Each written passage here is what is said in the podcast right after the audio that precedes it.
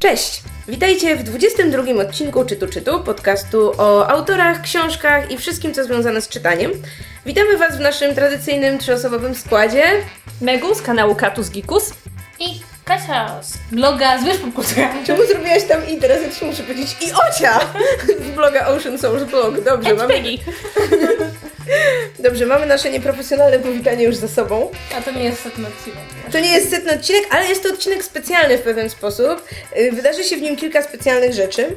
Najbardziej specjalną z nich jest to, że jest to odcinek, który nagrywamy przy współpracy z wydawnictwem. Z nowo powstałym wydawnictwem Dziwny Pomysł, które 21 kwietnia dopiero wchodzi na rynek ze swoimi dwiema pierwszymi książkami i o jednej z nich opowiemy Wam w tym odcinku. Więc jeśli jesteście wydawnictwem i chcecie nawiązać z nami współpracę, tak to się robi. I Smooth, smooth, tyle ci powiem. Znaczy, musicie zrozumieć, Ocia robi w marketingu naszego podcastu. Robi? Tak mi idzie. Zwalniam cię. Nie, dobra, mogę to wyciąć. W każdym razie odcinek będzie specjalny także w tym zakresie, że nie mamy dla Was książek z torebki, ponieważ postanowiłyśmy skupić się wyłącznie na naszej książce wspólnej, której tytuł brzmi Czas mumii, czyli Serce w bandażach. Jest to książka autorstwa dwóch komików. Jeden z nich nazywa się Ezra Fox, drugi nazywa się Alex Falcone i panowie prowadzą podcast. Podcast Read It and Weep, w którym omawiają dosyć kiepskie filmy, seriale i książki.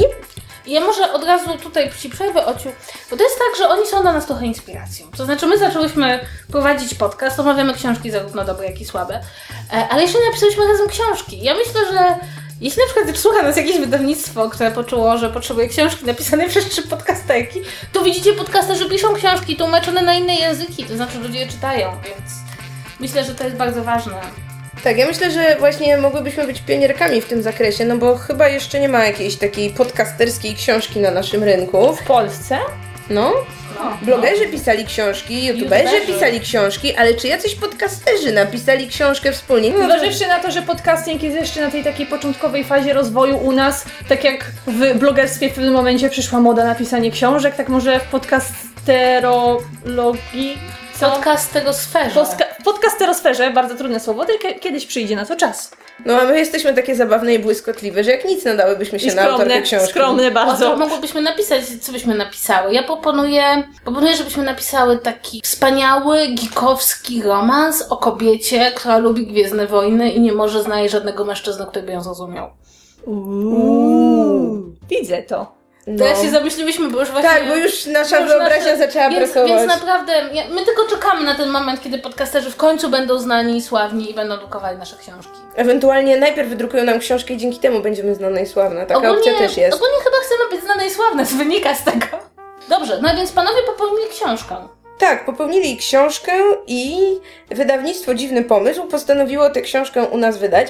Może kilka słów na początek właśnie o samym wydawnictwie, bo już y, sama jego nazwa budzi, budzi zainteresowanie. Jest to wydawnictwo z Gdańska, założone przez Joannę Barbarę Bernard, tłumaczkę z języka norweskiego, która po dekadzie właśnie współpracy z norweskimi wydawnictwami postanowiła otworzyć oficynę w Polsce i wydawać książki dla dziwnych dzieci, dziwnej młodzieży i dziwnych dorosłych. To totalnie dla nas. Tak. Pasuje. W perspektywie chcę przybliżać czytelnikom dużo skandynawskiej literatury, między innymi właśnie norweskiej, w tym właśnie na przykład norweskie kryminały dla dzieci, a także książki opowiadające o marginalizowanych grupach, o dzieciach prześladowanych w szkole, także zahaczające o tematykę LGBT i generalnie wszystko to, co można podsumować jako dziwne i oryginalne. O, czyli już widać, że to jest wart, warto będzie śledzić to, co będzie się z tym wydawnictwem działo później. Nie wiem jak wy, ale ja nagle poczułam, że ponieważ ta dorosła literatura norweska jest dla mnie zbyt przygnębiająca, może ja powinnam poczytać takie kryminały dla norweskiej młodzieży, może to jest taki stonowany noir. Że oni tam mają wręcz podgatunek literacki na kryminały dla młodzieży? Ale my też Fajnie. mamy. Dla nie dzieci pamię- nawet, właśnie dla dzieci chodzi o takie, A to wiecie, dzieci w wieku Felix 5-6 Leśnika, lat. tego typu rzeczy? Nie, no nie pamiętasz na przykład takiej serii Alfred Hitchcock przedstawia? Ja czytałam Przygody trzech detektywów. O To Boże, było tak. No i to jest... Ale, ale to nie była polska literatura, dlatego tak A, A nie, my nie, myślałam no, o nas. Pan Samochodzic nie jest takim elementem, takim To jest taka literatura przygodowa bardziej. No może. W No każdym wyobrażam razie, sobie, wyobrażam sobie, że ktoś zro- wydaje pana samochodzika jako dziwną literaturę, na przykład w Skandynawii. w każdym razie musimy, jak już wydadzą te kryminały dla młodzieży, to będziemy musiały przeczytać. I nareszcie nie będziemy miały problemu, żeby wszystkie trzy przeczytać tą samą książkę, bo mam nadzieję, że one mają objętość taką, że damy radę. No, książka, którą właśnie czytałyśmy, ma taką dosyć yy, nieprzerażającą objętość, więc dałyśmy radę. tak, Tak, przystępną objętość, więc to też Wam zaznaczamy, że jeśli będziecie szukać książki na jeden wieczór, czy jedną podróż pociągiem, to jak najbardziej pozycja, o której dziś Wam opowiemy, nada się. To co, kto opowie, o czym jest książka? Książka opowiada o nastolatce imieniem Sofia. E, Sofia jest taką nastolatką, która moim zdaniem zdecydowanie mm, znała Bellę ze zmierzchu, bo mają podobne życiowe problemy.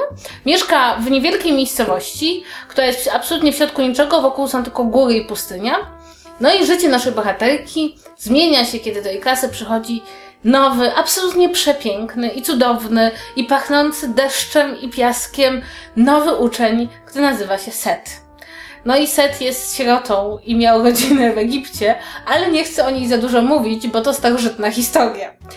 I e, każdy, kto choć czytał w życiu jeden romans paranormalny albo dwie książki e, z gatunku powieści obyczajowo-romansowych dla młodych dziewcząt, dostrzeże pewne tropy, które pojawiają się w tej książce i pojawiały się w książkach e, tego gatunku. Różnica jest taka, że autorzy nieskrywanie wyśmiewają się z pewnych bardzo, bardzo popularnych tropów, ponieważ jakby nasz piękny set, który ma tak głębokie oczodoły, że nie sposób stwierdzić, czy ma ciemne oczy, czy nie, i chodzi w dziwnych rękawiczkach e, bladego koloru, jest niewątpliwie mumią.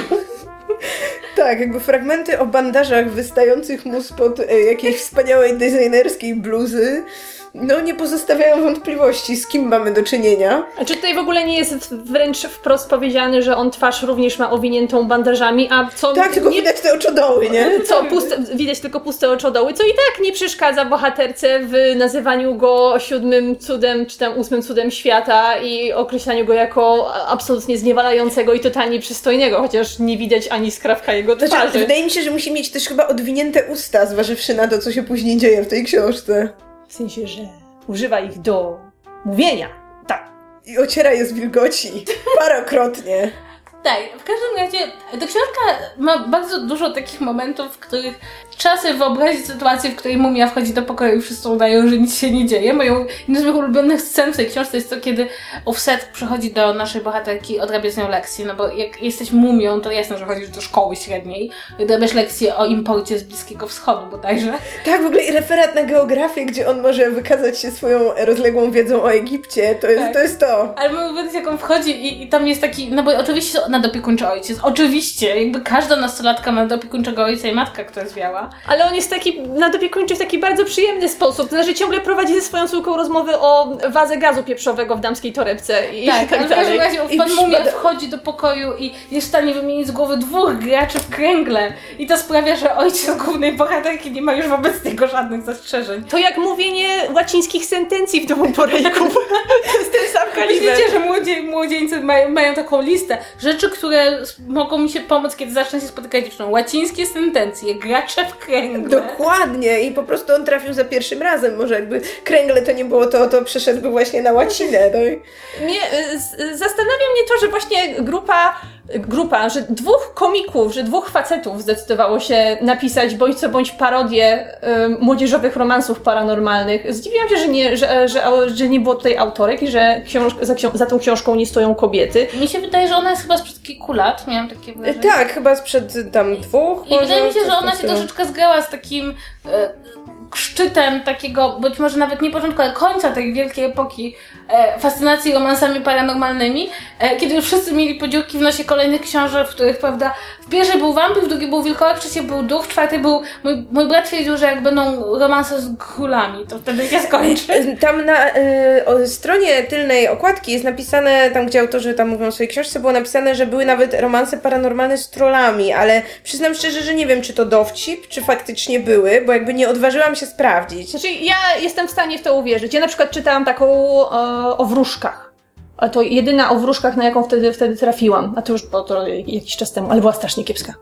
Nie polecam romansów. W każdym razie e, trzeba powiedzieć, że ta książka jest z jednej strony urocza, bo to jest tak, że jeśli się czytało więcej niż jedną książkę, a nawet jak się czytało zmierzch, to człowiek rozpoznaje te tropy. Twórcy robią bardzo moim zdaniem zabawną rzecz, to znaczy tak, autorki i autorzy romansów paranormalnych mają skłonność do obdarzania niektórych bohaterów taką liczbą cech, która im się przyda wtedy, kiedy im się przyda. Tak. W związku z tym moją ulubioną rzeczą jest najlepszy przyjaciel głównej bohaterki, który darzy ją uczuciem, a ona nie tego uczucia nie zauważa, który ma dwa metry, gra w baseball, ale tak, że jest amatorskim archeologiem, któremu wolno jako jedynemu grzebać w jakichś jaskiniach, mimo że nie ma jeszcze doktoratu i ogólnie rzecz biorąc jest chyba w drugiej klasie liceum. Tak, a do tego zbiera kamienne figury penisów. Tak, ogólnie, Bo tak. Bo tak, ale, ale to mi się bardzo spodobało, bo to jest taki typowy właśnie, że człowiek jak to czyta, to zasadniczo rzecz biorąc czytanie tej książki nie jest, jakby nie samą przyjemnością jest czytanie, co się dzieje z główną bohaterką, bo z nią się dzieją rzeczy, powiedziałabym, dosyć standardowe, ale właśnie na zasadzie, okej, wiem do jakiego tropu w literaturze młodzieżowej czy Janka Dalt pijecie i z czego się naśmiewacie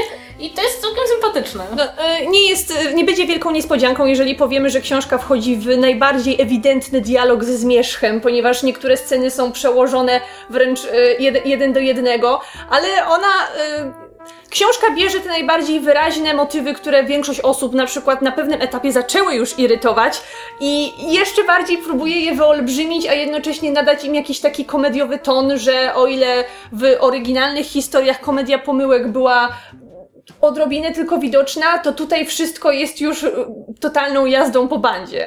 Tak, na pewno y, trzeba z dużym dystansem podchodzić do tej książki i y, na przykład nasza główna bohaterka no jest osobą tak totalnie ogłupioną, że no wydaje mi się, trzeba się jakby na to nastawić i nie można się tym w żadnym momencie irytować, bo no to jest tak, tak ewidentne przerysowanie. Jest ta słynna scena w Zmierzchu, gdzie bohaterka zrobiła, wiecie, research w Google, więc ona już wie, że on jest wampirem i oni później rozmawiają tak półsłówkami, gdzie on próbuje wytłumaczyć, że jest taki niebezpieczny, ale ona już mu mówi, że ona wie, kim on jest i ona wie, na co się pisze. I tu jest taka przepiękna parodia tej sceny, która niestety kończy się tym, że nasza bohaterka jest totalną idiotką. Ja też bardzo lubię na samym początku, ponieważ każda jakby istnieje taki rodzaj scen w powieściach młodzieżowych, to są dwie. Jedna to jest jak bohaterka się opisuje, a druga jak opisuje, w co się ubrała. I schodzi na śniadanie. Schodzi na śniadanie. I tutaj bohaterka ma taki moment, w którym próbuje opisać swoją figurę i wygląd. I ta scena jest tak irracjonalna, nie sposób sobie wyobrazić, jak ta bohaterka wygląda. To chyba dochodzi do tego, że jest jak rąb z piłką do koszykówki, na której ktoś założył okulary.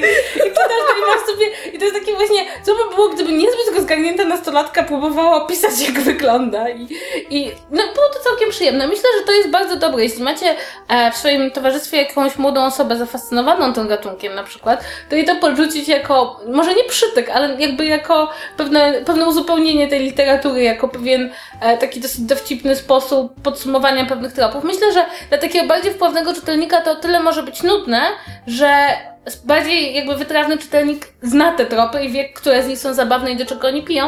Natomiast myślę, że dla młodych osób, które być może nie są do końca przyzwyczajone do książek parodystycznych, to mogłoby być niezłe uzupełnienie tam e, biblioteczki, nie wiem, sobie postawić to serce w bandażach obok zmierzchu.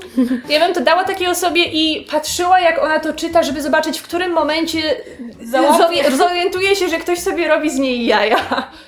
Ale też dodajmy, że oprócz tych y, takich ewidentnych, y, właśnie parodystycznych motywów, które y, naśmiewają się zmierz- ze zmierzchu i tego y, typu literatury, jest też kilka takich absurdalnych żartów, które są obok tej konwencji i które moim zdaniem są tak naprawdę najśmieszniejsze.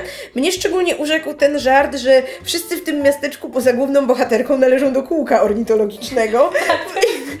I to, jest, I to jest taki dowcip, który no teoretycznie jakby mogłoby go w tej książce nie być, ale dzięki temu właśnie, że tam jest i jest taki z zupełnie innej bajki, no to totalnie wygrywa tę Ja książkę. uważam, ja uważam, mnie bardzo bawi, e, mnie bardzo bawi tam jest ten wątek, że e, matka głównej bohaterki uciekła po obejrzeniu odcinka programu Salmonelli i od tego czasu jej ojciec przypala absolutnie wszystkie dania.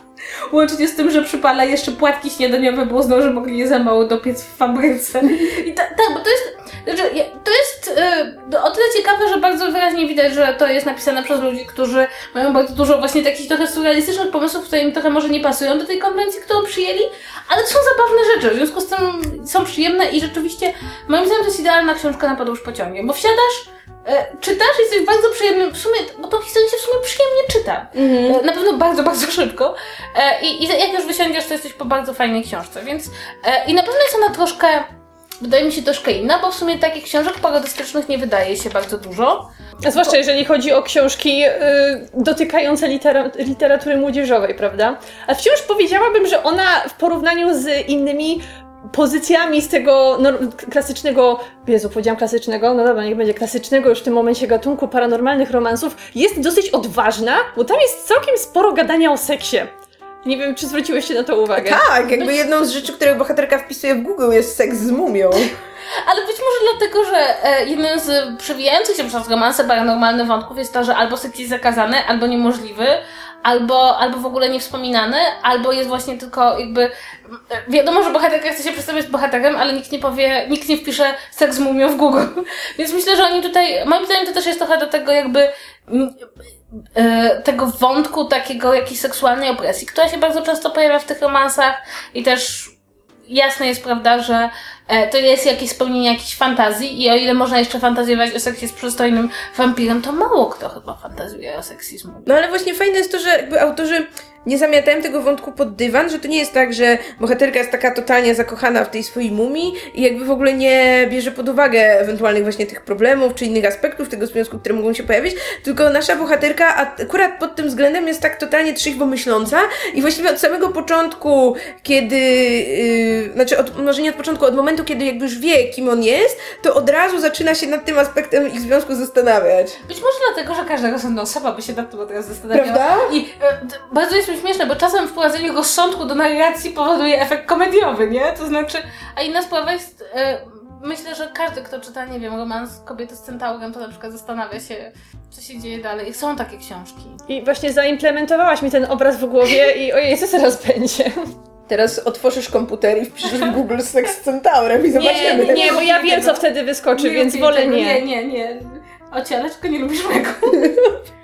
No, w każdym razie muszę powiedzieć, że jak na, jak na pierwszą pozycję z tego wydawnictwa, to moim zdaniem to jest całkiem, całkiem nieźle się zapowiada, bo rzeczywiście to jest troszeczkę inna książka. Była jakaś parodia zmierzchu. Z... Była, miała tytuł Zmrok, tylko że to była taka perfidna parodia zmierzchu, która jakby nie próbowała dołożyć od siebie absolutnie nic. Ale czy czasem Lindsay Ellis też z tą swoją taką koleżanką Nelą nie pisały w pewnym momencie parodii zmierzchu? Ale to... I Może. ona, ona się tak ro- rozeszła w internecie, e, powie- powiedzmy, głośnym echem i do dzisiaj ją ludzie czytają. Ja nie miałam z nią styczności. Problem polega nie na było, tym- nie, to nie była tylko jedna książka, prawda? Tak, też problem polega na tym, że jakby łatwo jest przepisać zmierzch scena po scenie, żeby było zabawnie. Ja tu robię cudzysłów palcami, co czegoś nie powinno robić. Ale to jest książka zasadniczo rzecz biorąc, jakby ktoś nie czytał zmierzchu, to ona też jest zabawna. Nie jest to książka, która bazuje wyłącznie na e, komentowaniu innych dzieł kultury, tylko jest zabawniejsza w ich kontekście, bo wiemy do czego twórcy piją. A tak po prostu jest zabawną książką o, e, o, o dziewczynie, która jakoś nie dostrzegła, że nowy przystojny uczeń w klasie jest panem mumią. Ale tak bardzo, bardzo szybko przechodzi y, z tym faktem do porządku dziennego. Tam bardzo nie- ma tam, tam nie ma w ogóle tych absurdalnych scen, kiedy ktoś dziwi się na te wszystkie y, paranormalne zjawiska. Kiedy ona mówi temu swojemu najlepszemu przyjacielowi o tym, że jej chłopak jest mumią, to, on- to, to on też tak po prostu po nim to spływa i okej, dobra, mumia. Kiedy mówi o tym tym ludziom z, ze swoich y, bodajże zajęć samoobrony, oni reagują na to tak samo. A jeszcze potem oni się tak, oni się tak pięknie wymawiają, jak jej nie, pom- jak jej nie pomagać. Że oni są bardzo zajęci, że mają życie osobiste i nie mogą iść, i- iść jej pomóc. Też było fajne. Ogólnie, ogólnie to, ta książka jest w bardzo wielu miejscach przyjemna i nawet właśnie zabawna, jakby, no właśnie ten koncept, że kto, że twój chłopak jest mówią nikomu nie przeszkadza jest równie zabawny jak taki, który gdyby naśmiewali się ze sceny, że to komuś przeszkadza.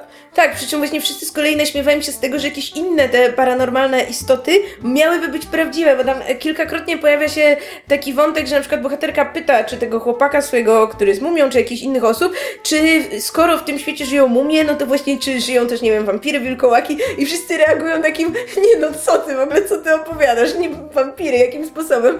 I ten kontrast tego, gdzie jakby właśnie ten wampir miałby być czymś absurdalnym, ale mumia jest czymś totalnie normalnym i akceptowalnym, też jest całkiem zabawny. Tak, więc polecamy wielbicielom parodii, surrealistycznego humoru, może trochę dziwnych książek, znaczy nie takie, które zazwyczaj czytają.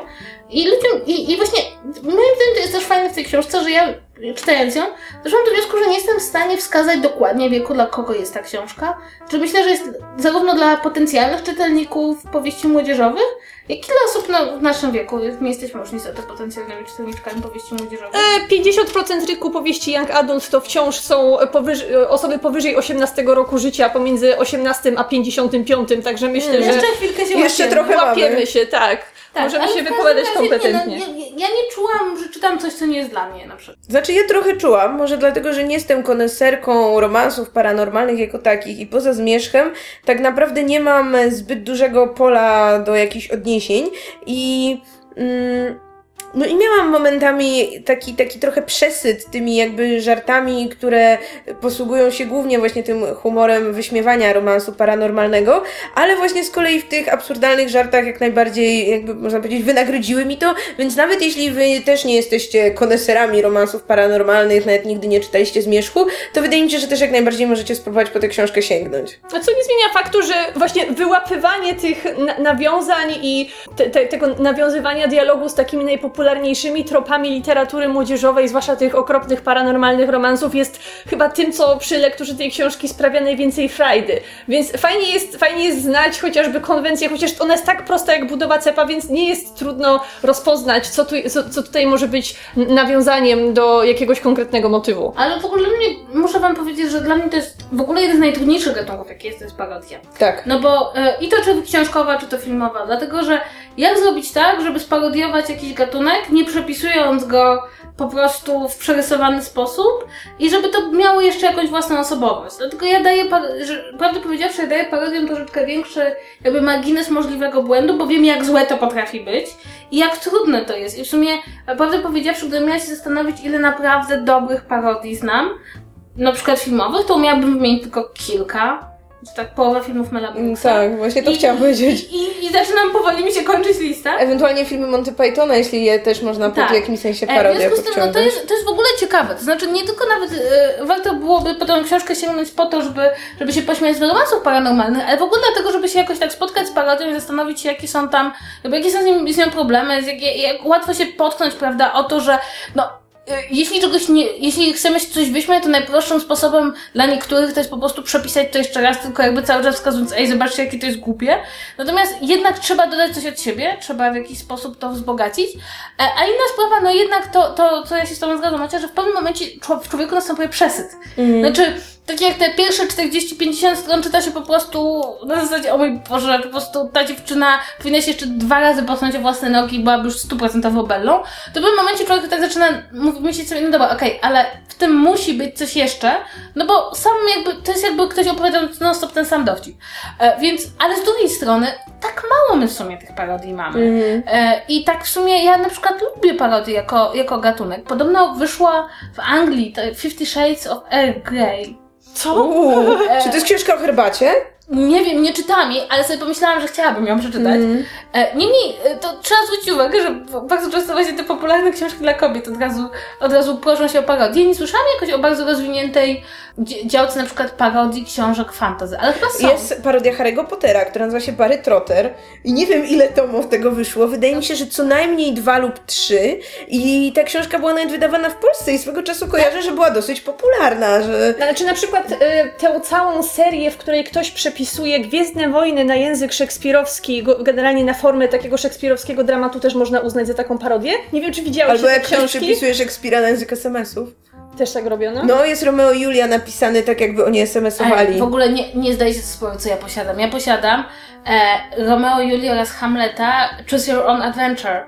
Na każdej stronie masz akapit i potem wybierasz, który akapit dalej chcesz O czytać. Boże, gra paragrafowa z Tak, i można sobie na przykład w niektórych wersjach Romeo i Julii, nie wiem, Julia buduje tam rakietę kosmiczną, leci w kosmos. Jest w ogóle milion różnych e, ten, różnych, e, to się nazywa Romeo and or Juliet.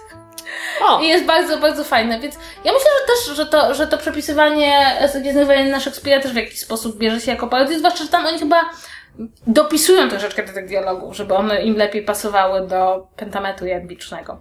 a to bardzo możliwe. Wiem, że moja znajoma ma chyba Imperium kontratakuje, muszę tu nie zajrzeć. Co Mm. mówi? Co mówi w najważniejszej scenie Darth Vader? No, ale w każdym razie to jest, to jest w ogóle ciekawe, bo jakby parodia literacka wcale nie jest prostym gatunkiem. Mam wrażenie, że dużo osób ma takie poczucie, że ej, skoro to nie jest poważne, to to jest proste. A tymczasem inteligentnie się z czegoś naśmiewać wcale nie jest tak łatwo. No I też trzeba to zrobić na takim poziomie, żeby to nie było takie ordynarne i głupie, bo na przykład jest ten cały gatunek filmów, który polega na e, braniu fragmentu, e, e, na, przykład, e, na przykład jak e, Scary Movie. I e, który- to wszystko polega na braniu fragmentów innych filmów albo jakichś ikonicznych scen i przerabianiu, i przerabianiu ich na takie dowcipy wyłącznie związane z seksem albo fekaliami. I na przykład Zmierzch też miał taką parodię. Nazywało się to bodajże Wampiry i Świry. I, i, Okej. i to, było, y, to było koszmarnie złe i to było absolutnie nieśmieszne.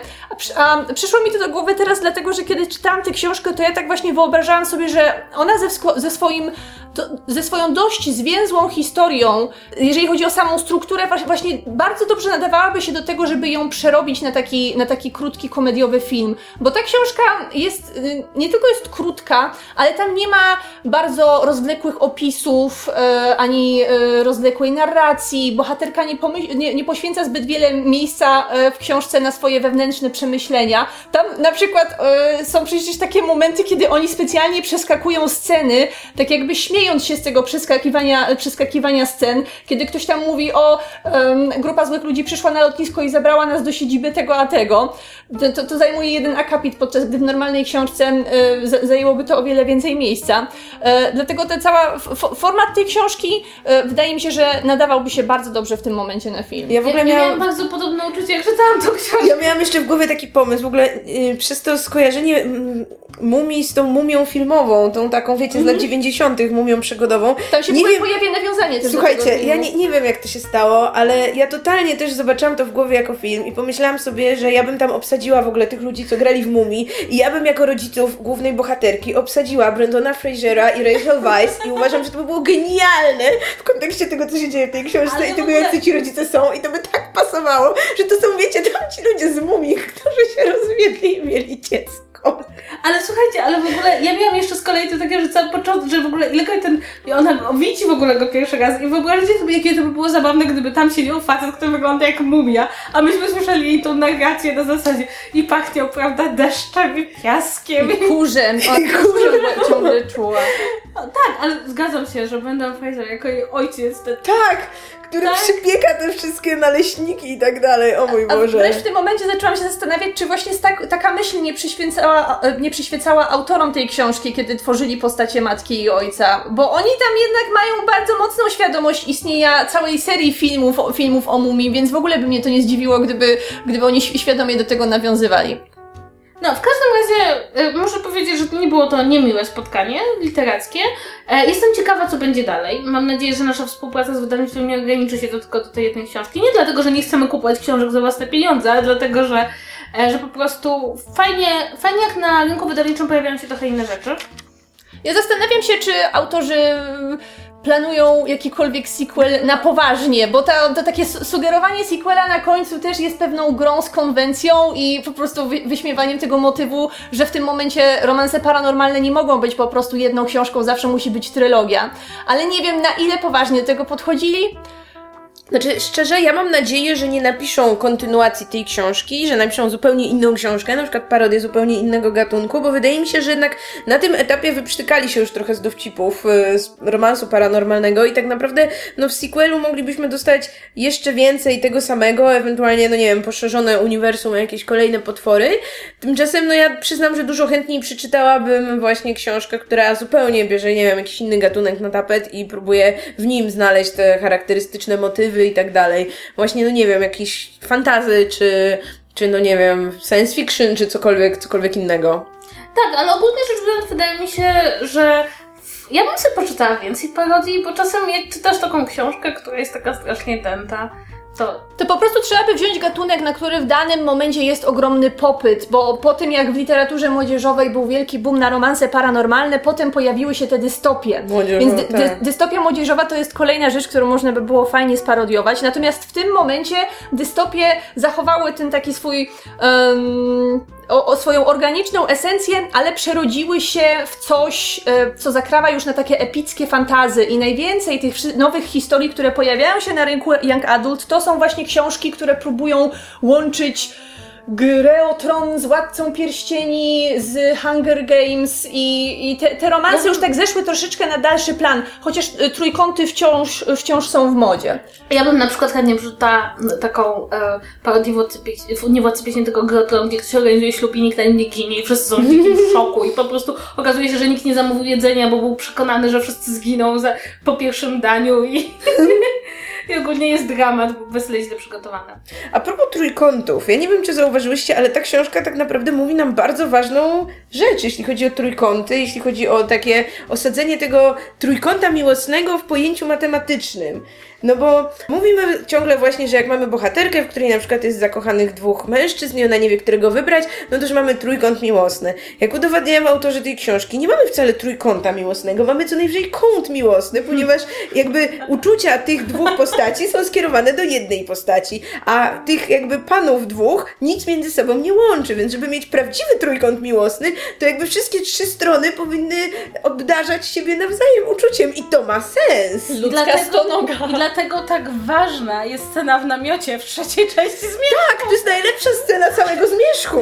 Co było w scenie w namiocie? Och, scena w namiocie jest cudowna. Otóż e, e, teraz uwaga, spoiler. Scena w namiocie To jest coś się... z Brokeback Mountain związane? Nie, nie, nie. Rozgrywa się w namiocie na szczycie góry, gdzie Bella zamarza i w związku z tym musi się koniecznie przytulić do Jacoba, bo Jacob jest ciepły jako wilkołak, a nie może się przytulić do Edwarda, ponieważ on jest zimny jako wampir. Więc oni sobie wszyscy są w tym maleńkim namiocie, gdzie oczywiście pozbawiony koszulki Jacob tuli do siebie Bellę i jednocześnie nad jej głową prowadzą ze sobą rozmowę, która jest jakby tak awkward, a jednocześnie jest w niej takie dziwne napięcie seksualne, że masz wrażenie, że w tym momencie ten trójkąt się domyka, domyka. Ja w ogóle uwielbiam tę scenę w filmie, bo tam Jacob i Edward tak na siebie patrzą, wymieniają siebie takie patrzą. spojrzenia i to jest tak niesamowita scena, która potem ma jakby finał, jest taki, że tam następnego dnia rano yy, to jest moment, kiedy chyba Bella po raz pierwszy całuje Jacoba, żeby sprawdzić jak to jest. Wiecie co, ja, ja tak teraz robię wielkie oczy, bo ja przyznam, że ja przeczytałam tylko jedną część Zmierzchu, bo nie zdzierżyłam. I ja więcej nie przeczytałam, czytałam. przeczytałam trzy i jestem z siebie bardzo dumna. Ja oczywiście widziałam wszystkie filmy, no bo Ja filmy- jeden film obejrzałam na przyspieszeniu, bo nie byłam go w stanie znieść. O, ja też, ta, też tak przeskakiwałam co 10 Czy była to pierwsza filmy. część czwartej części, Tak. absolutnie najgorsza? Poziom zażenowania Tak. był. Zresztą e, w ogóle e, muszę powiedzieć, że e, jest jedna rzecz, która mi się bardzo mocno kojarzy z romansami paranormal, paranormalnymi, jest to second hand embarrassment, czyli poczucie zażenowania tym, co robią bohaterzy w książkach albo filmach. I nigdy nie czułam tyle second hand embarrassment, jak przy oglądaniu różnych romansów paranormalnych, czy czytaniu takowych. No ja nie ukrywam, że ja z tą jedyną częścią Zmierzchu, którą przeczytałam, mam taki dosyć, e, mam do niej taki bardzo sentymentalny stosunek, ponieważ ja ją przeczytałam zaraz po tym, jak się zrobił na nią wielki szał w Polsce i wszyscy maniakalnie kupowali te książki. I to była pierwsza książka, która pozwoliła mi odkryć w sobie e, e, za, zalążki literackiego krytyka, bo ponieważ to była pierwsza pozycja, przy której ja autentycznie powiedziałam, Jezu, co za gówno, ja tego nie będę dalej czytać. I, i tak, się, tak się narodziła, wiecie, ta, Tak się narodził po- Gikus. Początki Katusa Gikusa, początki Megu jako, jako krytyka. Także dzięki Zmierzchu, dzięki Stefanie Meyer, to wszystko twoja zasługa. Dlatego też do tej, do, do, do, do tej parodii tak mam takie trochę cieplejsze uczucia, ponieważ to się wszystko sprowadza do tego jednego momentu kilkanaście lat temu, kiedy powiedziałam, kurwa, nie zdzierżę. I Historia zatoczyła koło dzięki temu, że przeczytałeś Zmierz, jesteś tu, gdzie jesteś, mówisz to, co mówisz. Może nie byłoby tego podcastu, gdyby nie to. Boże, nagle Musimy robisz z tego taki wielki deal. Nie wiem, czy byśmy robili z tego taki wielki deal. Megu. Megu siedzi tak starsza już nad klawiaturą super nowoczesnego komputera, ma lat 80, poprosili, że w końcu zapisała swoje memuary. I ona musi zacząć od zdania. Wszystko zaczęło się od tego, że przeczytałam zmierzch i nie. Oj, Megu, źle wybrałaś początek swojej wielkiej kariery. Oj. Nie widzicie Megu, ale Megu ma teraz taką minę, jakby właśnie próbowała się cofnąć w czasie. Myślę nad ciętą ripostą, ale nic mi nie przychodzi do głowy. No dobrze, kończymy znęcanie się nad Megu, bo ona ma naprawdę minę, jakby chciała się zaraz rozpłakać. I będziemy powoli zdążać do konkluzji naszej recenzji. Książkę warto przeczytać. Jeśli macie jakiegoś młodocianego wielbiciela albo młodocianą wielbicielkę romansów paranormalnych w okolicach, to możecie im kupić e, na prezent, albo możecie zrobić tak, że kupicie dla siebie, przeczytacie w jeden dzień, a potem dacie im jako prezent i uda- będziecie udawać, że zawsze to był wasz cel. E, to nie jest tak, że ja tak robię, ale niektórzy tak robią, słyszałam na świecie. I teraz nam Ocia, która jako jedyna jest przygotowana merytorycznie, powie, kiedy książka wychodzi. Tak, przypominamy. Czas Mumii, czyli Serce w bandażach. Pierwsza książka wydawnictwa Dziwny Pomysł. Premiera 21 kwietnia. Dajcie nam koniecznie znać, czy po naszej recenzji jesteście zainteresowani i czy zamierzacie po tę książkę sięgnąć. I oczywiście dajcie nam też znać, czy może są jakieś inne parodie godne polecenia, bo jak słyszeliście, jest tu głód w nas, szczególnie w Kasi, przeczytania jakiejś dobrej, ciekawej parodii, więc może wy nam jesteście w stanie jeszcze coś polecić. A my z kolei czekamy na kolejne książki wydawnictwa Dziwny Pomysł. Dobrze podaję Tak. wydawnictwa. Czekamy na kolejne książki wydawnictwa Dziwny Pomysł. Ja zwłaszcza na te młodzieżowe e, kryminały po, e, norweskie, bo ja próbowałam czytać literaturę norweską, ale dostawałam depresji mniej więcej w połowie.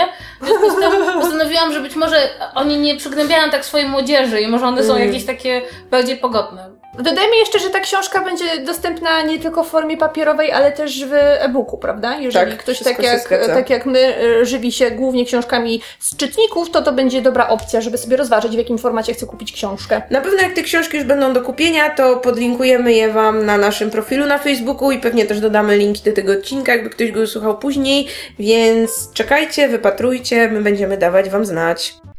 I to będzie tyle w tym tygodniu, w którym spędziłyśmy z mumiami i bandażami. I teraz jeszcze Ocia Wam powie, co możecie dla nas wszystkich zrobić, żebyśmy byli szczęśliwi. Tak, możecie dawać nam łapki w górę pod tym odcinkiem i zostawiać nam komentarze na YouTubie. Możecie zajrzeć na nasz fanpage na Facebooku, gdzie słuchajcie, jest Was już 2000 osób, tak więc bardzo dziękujemy, że jesteście z nami. Jest nam bardzo, bardzo, bardzo miło, ale oczywiście wciąż jest nam mało, więc jeśli jeszcze nas nie polubiliście na Facebooku, to będzie super, jeśli, jeśli zajrzycie i, i nas polubicie. Możecie nam też wystawiać recenzje. I możecie też pisać do nas maile na czytu małpa podsłuchane.pl. Możecie podsuwać nam tematy odcinków, a możecie po prostu dzielić się z nami swoimi refleksjami albo zadawać nam pytania. W jakimś momencie na pewno na nie odpowiemy w odcinku zbiorczym. I na koniec możecie oczywiście odwiedzać e, fanpage naszej sieci, czyli podsłuchane.pl, gdzie znajdziecie też podcasty naszych dobrych znajomych na inne tematy i też gorąco Was zachęcamy do y, sięgnięcia po nie i posłuchania. I jeszcze raz przypominamy, że dzisiejszy odcinek zrealizowałyśmy we współpracy z wydawnictwem Dziwny Pomysł. Tak jest, bardzo dziękujemy. Pa, pa! Pa, pa!